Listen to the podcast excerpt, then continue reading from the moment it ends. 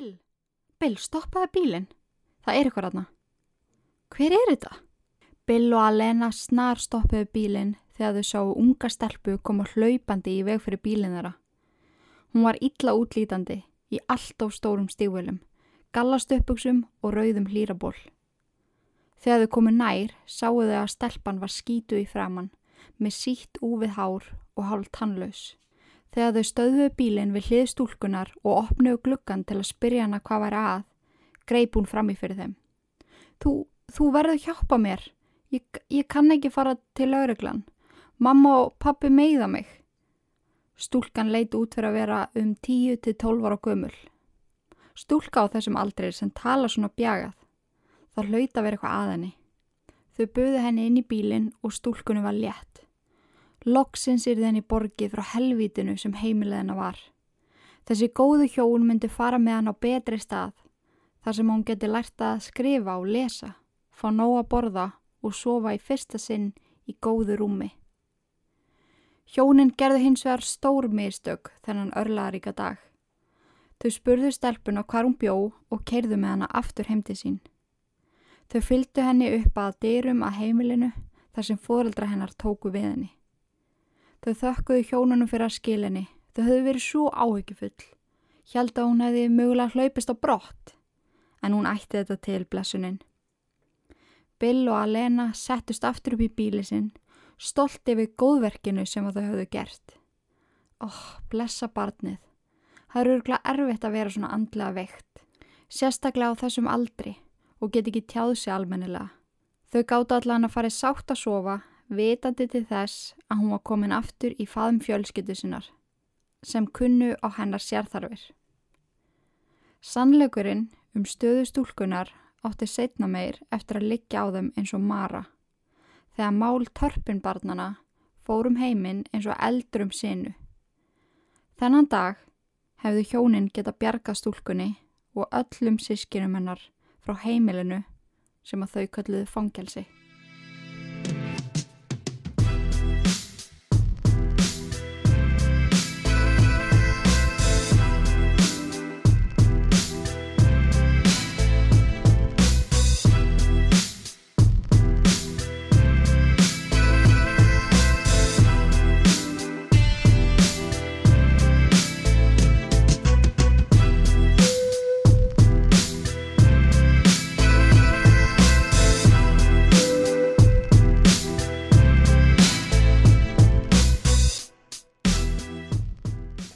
Komið sæl og verið hjartanlega velkomin.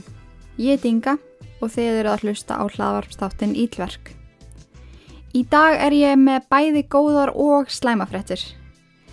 Í flest öllum sjóarstáttum og bíómyndum þegar þetta er sagt vil fólk yfirleitt heyra slæmufrettina fyrst svo ég tel mig vita að þið viljið einmitt vita þar líka.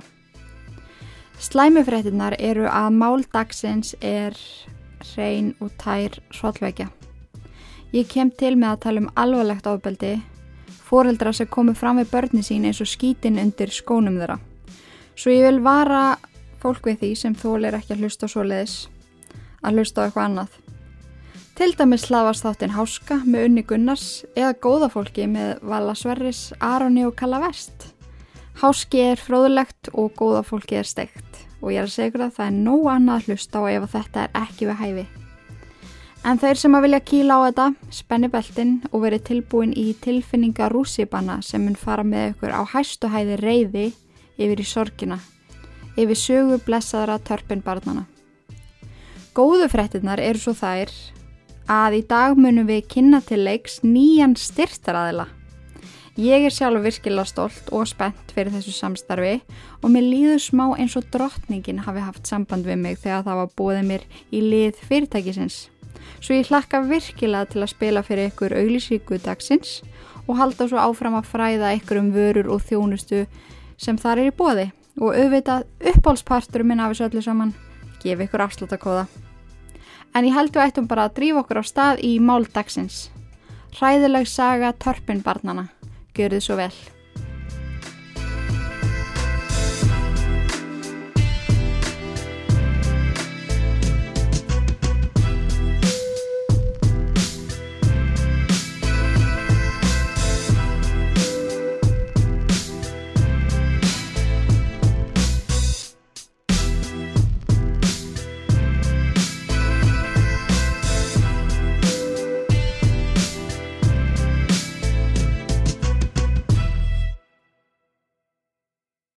Louise Anna kynntist verðandi eigimanni sínum David Allen Turpin aðeins tíu ára gummul. Þrátt fyrir ungan aldur hafði Louise lifað á við 60 konu. Hún hafði verið svift æskunni og þráði ekkert meira en að búa sér til sitt eigi líf og flytja lengst í burtu frá viðurstykjulega heimilinu sem hún hafði búið á til tíu ára aldurs. Móður Louise hafi selt hana og systur hennar í vandi frá fimm ára aldri. Ólöku konan sem hún var þurfti að eiga fyrir næsta skamti á áfengi og síkaretum og fannst ekkert tiltöku mál að fórna dætum sínum fyrir eigin þarfir. Þótt að það sé hræðilegt út af fyrir sig að vera misnótaður, þá hjálpar það ekki neitt að aðilinn sem kefti þjónustuna var afið þeirra. Fadir, móður þeirra. Maður getur rétt ímynda sér hvernig það er að láta mann brjóta á sér sem á að venda mann og elska. En þessi lífsreynsla hafði áhrif á þar það sem eftir var af lífið þeirra. Á þessum tíma var líka mikil þöggun. Börn áttu ekki rétt á að hafa skoðun. Börn áttu að þeia og hlýða fullonafólkinu. Louise og systrennar þurftu því snemma að læra sjá um sig sjálfar. Þrýfa og elda og þurftu þær allatíð að sjá um hver aðra. Þær áttu engan að og þessar fáræður sem að þær kölluðu fjölskyttu brutu á þeim. Þegar Louise kynntist svo Davíð fann hún loksins ástina og væntumþykjuna sem hún hafði alltaf þráð svo heitt. David segi frá því setna meir að hann hafi aldrei búist við í hvað Louise var mikil kynvera strax. Þau sváu saman dægin eftir að þau kynntust og hún virtist vita nákvæmlega hvað hún var að gera. Það sem angra mann verulega þegar maður veit alla söguna, það var þetta alls ekkit fyrsta skiptið hennar.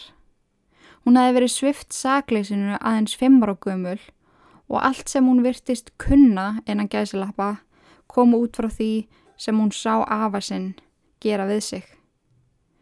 Hún hins vegar sagði David ekki frá þessu öllu saman fyrir en 20 árum setna. Af hverju? Því að henni hafði alltaf verið kent að þeia og sannleikurinn er sá að börnin læra það sem fyrir þeim er haft. Þótt að það sem fyrir þeim er haft sé ránt. Sjú árum eftir að þau kynntust, þegar Louise var 17 ára og David 23 ára, gengu þau í heilegt hjónaband. David fór fljótlega eftir giftingu þeirra að læra tölvufræði en Louise vann heima við að halda húsinu hreinu og hafa alltaf eitthvað að borða fyrir David þegar hann kom heim. Trúin skipti Louise miklumáli og mátti sjá trúaperlur og málaða myndir af frelsaranum út um alla vekki á heimilinu þeirra. Hún í raun kom David á þessa lest að mæta alla sunnudag í kirkju og voru ungu hjónin virt í samfélaginu. Þau voru alltaf tilbúin að leggja öllu kirkjustarfi lið og auknuðust þar marga góða vini sem hefðu ekkert slæmt um törpin hjónin að segja. Í júli 1988 eignuðustu fyrsta barni sitt saman og frá því ári til ásins 2015 eignuðustu í heildina 13 börn, 10 dætur og þrjá seni. Ég fekk smá flashback þegar ég skoðaði þetta mál því það sem að ég er að fara að segja ykkur núna kemur nánast orðrétt fram í máli Andrea Yates sem að ég saði ykkur frá fyrir 100 árum síðan. En hún egnaðist einnig svona mörg börn ásand eigimanni sínum og aðspurð af hverju hún ákvaði eiga svona mörg börn svarar hún að Guð hafi talað til hennar og sagt henni að þetta væri hennar verk og hún ætti að eignast börn þanga til þú gæti það ekki lengur og það er nákvæmlega það sem Louise fór eftir. Heimilið þeirra var staðsett í Paris í Kalifornia í bandaríkjónum og leitt ósköp venjulega út að utan. Ílgresi ádrólega upp gardinn og hér og þar voru rauslapókar sem að vilt dýr hafðu rifið upp. En fyrir utan það var ekkert sem vakti sérstaklega upp spurningar nágranna þeirra. Fyrir innan luktardyr var í gangi starfsemi sem myndi vægarsagt vekja upp hrylling þann sem kæmist að því hvað var í gangi. Samkvæmt þeirra sterkutrú á Guð almótaðan var það í þeirra höndum að sjá um öll þessi börn og nótuðust þau við mjög óhugulegar aðferðir til þess. Börnunum var öllum kift úr skóla og sum þeirra fóru aldrei í skóla. Louise fannst mjög mikilvægt að hún var í svo sem að kendi þeim þar sem að það var hún sem fættuði í innan heim. Fyrstum sinn gekk ágætlega að kenna þeim og ekki miskjölu mig, það er mjög algengt allavega í bandaríkjunum að fóreldrar kenni börnum sínum heima við, en í tilfelli Louise var þóli með hennar og þrótum. Það var erfitt af að öll börnin heima, þá sérstaklega þegar þau hlítan ekki. Til að fá fulla aðtegli barnana þá öskraði hún á þau, hótaði þeim og barði þau. Ef þau hlustuði ekki og stóðu sér ekki eins og hún hafi búist við, hlekkjaði hún þau först en keðjur voru áfastar breyðum pinna sem komið hafi verið fyrir í vegg inn á heimilegðra. Faði barnana hjálpaði til með þetta atferðli þegar hann var heima við. Þau skiptu börnunum upp. Þau sem áttu að læra þann daginn fóru inn í skólastofu heimilisins en hinn voru hlekkjuð við veggina. Þar voru þau klukkutímum saman án þess að fá að drekka og borða eða fara á klósetið. Með þessari aðferð töldu þau sér ná stjórn á börnunum og gefa þeim þannig alla sína aðtegli. Þau sögðu börnunum að þau væru með réttin til að halda þeim heima. Þau mættu ekki fara út því annars myndu þau vera tekin af þeim. Hjónin gerðu sér líklega skrein fyrir alvarleika málsins, ánþess þó að gera eitthvað í því. Louise skammaði sín fyrir gangmála. Hún sá hvað börnin hennar voru skítug, vannarð og hrætt. En hún vildi ekki byggja um hjálp. Hún hefði aldrei viljað byggja um hjálp. Stoltið var ómikið og hún ótaðist að ef hún byggja um hjálp, erðu börnin hann að tekin frá henni. Í gegnum allt ferlið var því alltaf haldið til haga að þetta væri gert út af ást. Ástin á börnunum væri svo mikið og óttin við að raunveruleikin kemi í ljós var of mikill. Elstu börnin voru hlekjuð við rúmin sín. Þeim var meinar aðgangur að umheiminum og að vera í samskiptum við önnu börn á þeirra aldrei. Hjónin voru hrættum að annars færu þau að heiman og kemur aldrei aftur. Þau urðu að hafa fulla stjórn og að þeirra mati var þetta eina lausnin. Ef maður skoða bakgrunn hjónana kemur þar ímislegt í ljós sem að rennir stóðum undir hversu ótrúlega brengluðu voru. Það sem við rettum í byrjun þáttar um æsku Louise, hvernig hún var misnótuð og neita aðganga um heiminum. Sankvæmt rannsóknum sem gerðar hafa verið á aðilum sem beittir hafa verið alvarlegu kynferðislegu ofbeldi af fjölskyttumælum er nokkuð algengt að sá aðili vaksi úr grasi með brenglað sín á lífið og fara svo sjálfur út í svipað atverðli. Misnóti börni sín eða beitið um ofbeldi þar sem svo leið er svo eina sem þau þekkja og halda á yfirborðinu að þessi lausn sé svo rétta. En svo við tökum það líka fram þá er mun algengara aðilar sem verða fyrir hræðilegu kynferðislu og ofbeldi í æsku verði nokkuð eðlilegir einstaklingar.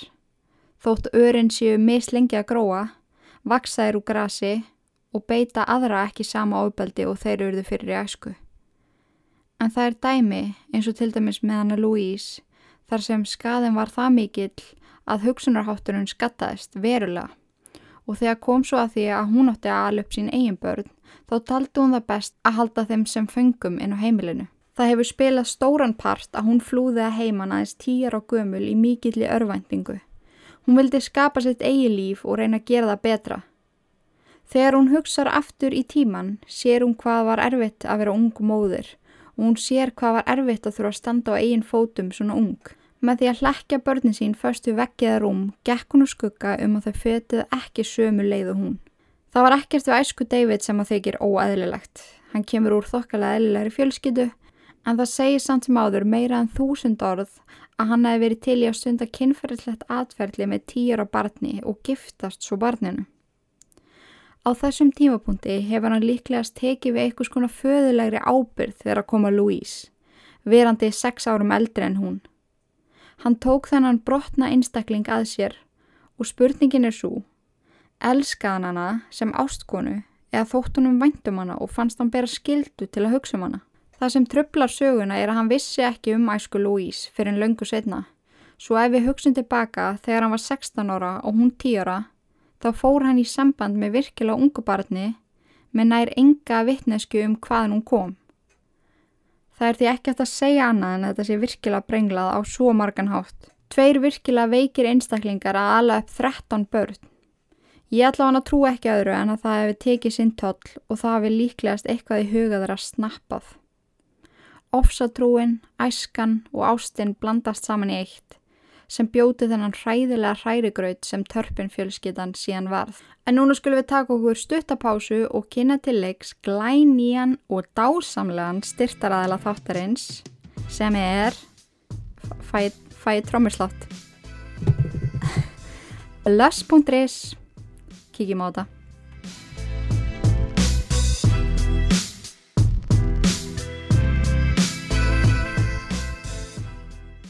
þetta Hafið þið kíkt við í verslun Blöss.is sem er staðsett í Hamraborg 1-3 í Kópói.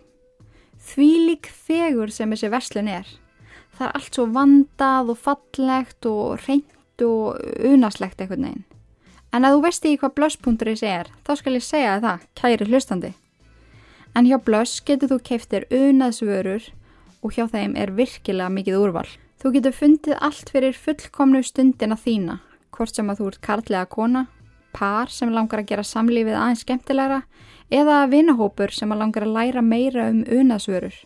En skemmtilegt nokk þá býður blöss.is upp á fríjar heimakynningar fyrir hópa. Ég var til dæmis að gæsa vinkunum mína síðastu sumar og við fengum snilling frá blöss.is til að koma og sína okkur það nýjasta í unasvöru heiminum. Það var ótrúlega fróðulegt, ótrúlega skemmtilegt og við keftum okkur allar eitthvað fínt og áður að það er komið þá var smá svona tension í hópnum bara að ég er ekki að fara að vera vandralegt en þetta er svo innilega ekki vandralegt því að þetta eru bara fagmenn sem að koma frá þessari verslun og þetta er allt einhvern veginn gert á svo fallegan og skemmtilegan hátt og ég mæli ótrúlega mikið með heimakynningunum með þeirra. En mér finnst þessi verslun æði og ég hlakka ótrúlega til að vinna með henni og deila með ykkur kæru hlustundur hverju ég mæli með og af hverju ég mæli með því. En á meðan ég pröfa mig áfram getið þið kíkt inn á blöss.is, skoða úrvalið og pantað heima dyrum. En blöss sendi pakka um allt land. Þið getið einni kíkt í fallegu þeirra og fengið frábæra áð og aðstóð við að finna hvað þeir eru að leita af. En á 50 dögum er til dæmis opið til nýju og hvað er fullkomið að enda date night eftir kvöldmat og púl í blöss.is? Uh, já takk, marry me sko. Ég veit ekki með ykkur en ég er allavega virkilega spennt fyrir þessu og ég dyrka hvað blöss.is hefur tekið allt sem kallast tabu af kynlífstækjum. Því staðrendin er svo að við elskum öll að fá það. Jepp, ég sagði það og ég stendi það. Með kóðanum Ítverk getið þið svo fengið 10% afslátt af því sem að þið verslið. En við skulum bjóða blöss.is hjartanlega velkomin í Ítverk fjölskytuna. Ég er búin að vera að vinna svo í því að búa til svona flott slagorð í enda auðlýsingarnar. Hvað segið þið með til dæmis unað stund í bóði blöss.is þú átt að skilið. Mér er það flott, ég ber þetta allan undir nefnd. Blöss.is takk og bless.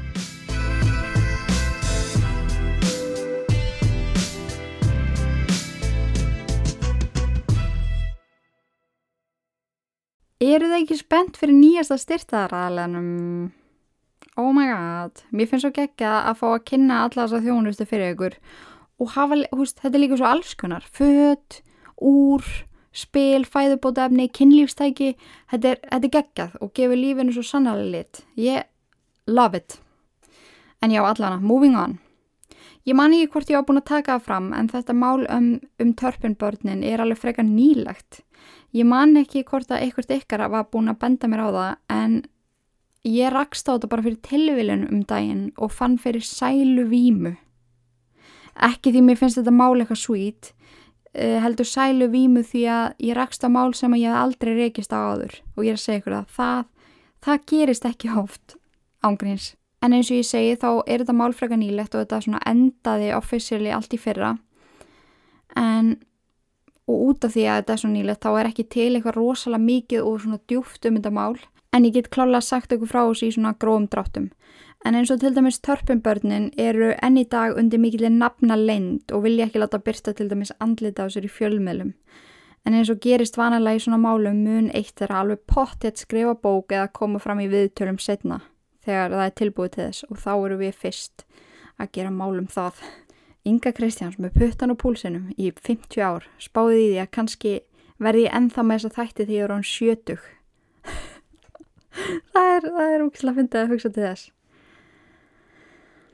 En já, eins og ég segi, þá er ekki til eitthvað greiðlegt magn af upplýsingum og ég geti miður ekki sagt eitthvað, eitthvað mikið betur en ég hef nú þegar verið að gera, gera um hvað kom fyrir inn á heimilinu. Allavega ekki í meiri smáadröðum en svo. En frá árunni 2017 voru börnin búin að vera að vinna í plani til að flýja í burtu frá heimilinu. Og maður getur ekki annan hugsað, þú veist. Þetta er svona hugsun sem maður skýtur upp kollinum svona áður en maður fyrir að hugsa þetta betur, þú veist. Bara, wow, ok, það er svo hræðilegt heima hér, akkur ferði ekki bara. Það er svo auðvilt að segja þetta, en þetta sýnir okkur kannski hversu ótrúlega alvarlegt þetta var og börnin þurftu í alvörin að skipilegja flótta sinn og það tók þau rúmlega tvö ára að finna svona fullkomið móment til þess að komast undan. Og þau voru líka svo lógandi hrætt við afleðingarnar sem að segja okkur svo mikið um alvarleika málsins. En þann 14. janúar 2019 letu börnin til skara skriða. 13 ára gamla Jólinda og 17 ára gamla Jordan slöpu út um gluggan á húsi fjölskytunar. Þar áttu sérst þarna að vera partur af heimakensli þennan dag en náðu að tröfla móðu sína sem var í virkilega slæmu skapi þennan dag.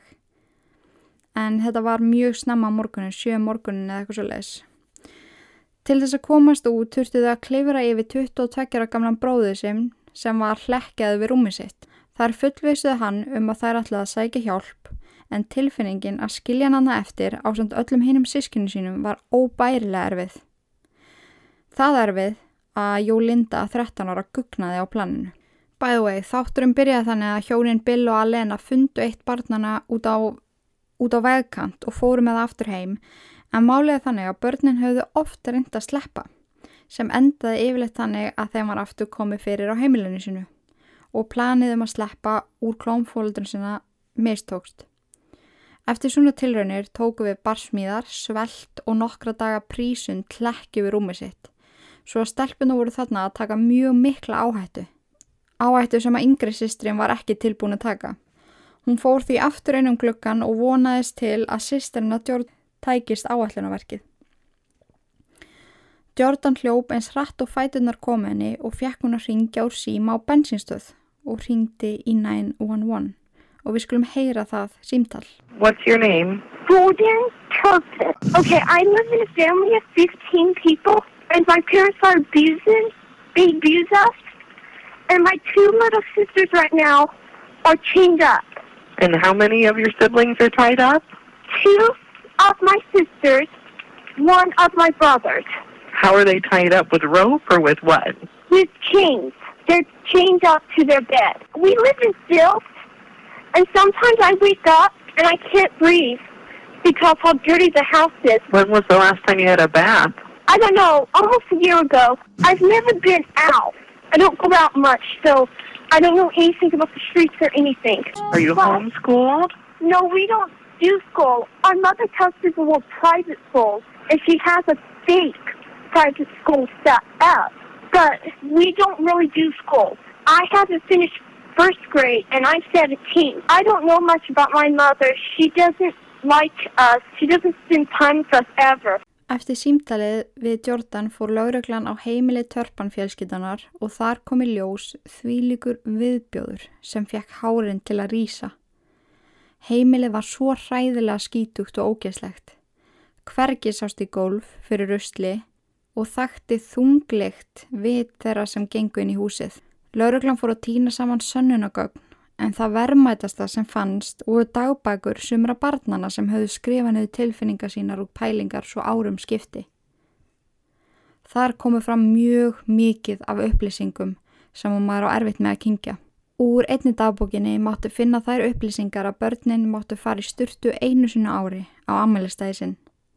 Annars þrifið þau sig ekki nema þegar þau stálust til að skóla af sér í vaskinum. Börnin máttu ekki þó sér um hendunar fyrir ofan úlið því annars voru þau að leika sér af vatninu og með því fylgdi refsing. Þau voru alltaf svöng og fengu mjög takmarka að borða. Þau horfðu ofta móðu sína baka smákökur og tertur sem stóðu ilmandi á borðinu í eldusinu.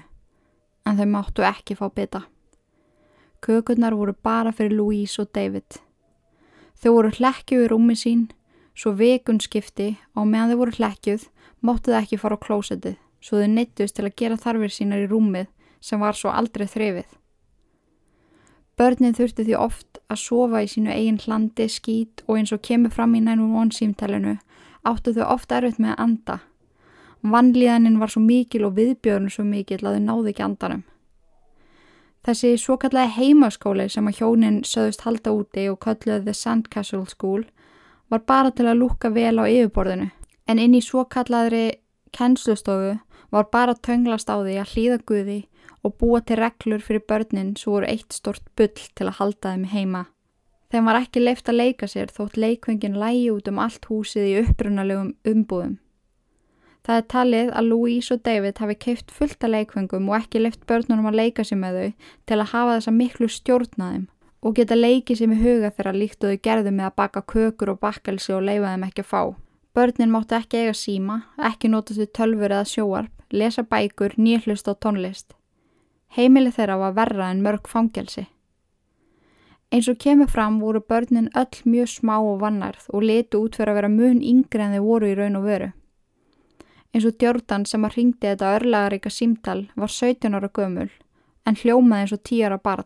Ef maður rínir í salfræðina hér má velta fyrir sig hvort Louise hafi gert þetta vísvitandi. Hún hafi viljað að börnin sinn leti út fyrir að vera yngre en þau voru svo þau myndi ekki feta sömu leið og hún gerði. Hún var 10 ára en leiti út fyrir að vera tvítug og hagaði sér þannig.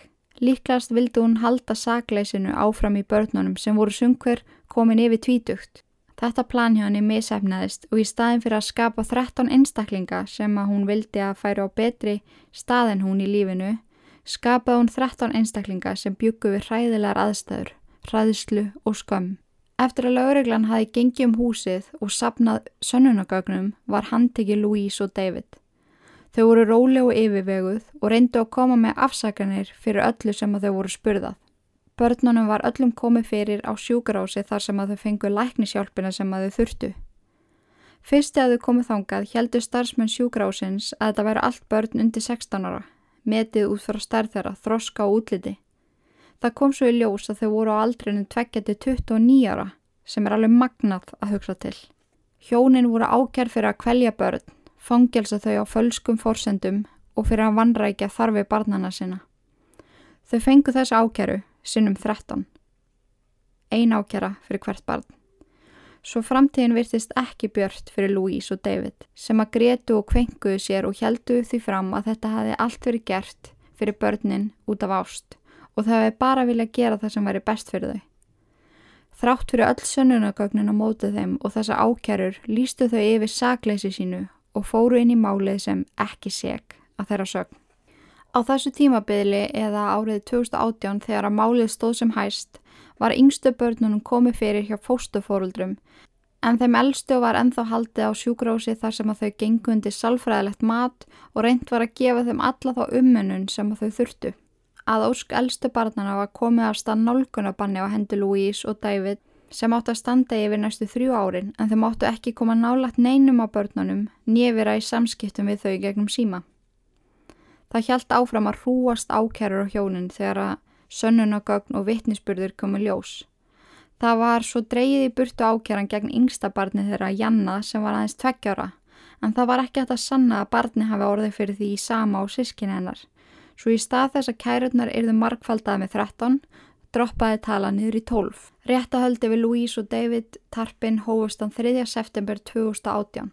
En það var erfitt að fara í gegn með réttahöldin þar sem málið hafi hlotið svo mikla aðtegli fjölmiðla um allan heim og þeir sem sáu um málið fannst besti kosturinn að færa réttahöldin úr heimabæðara. Réttahöldin voru þá færð til 22. februar 2019 og lesja var upp 20 ákærur á hendur hjónana. Réttahöldin voru átakanleg en ef þið leitið upp mála á YouTube getið hirt börnin þeirra að byrja vittni og tala til fóröldra sinna og ég viðkenni að það komu nokkuð tár.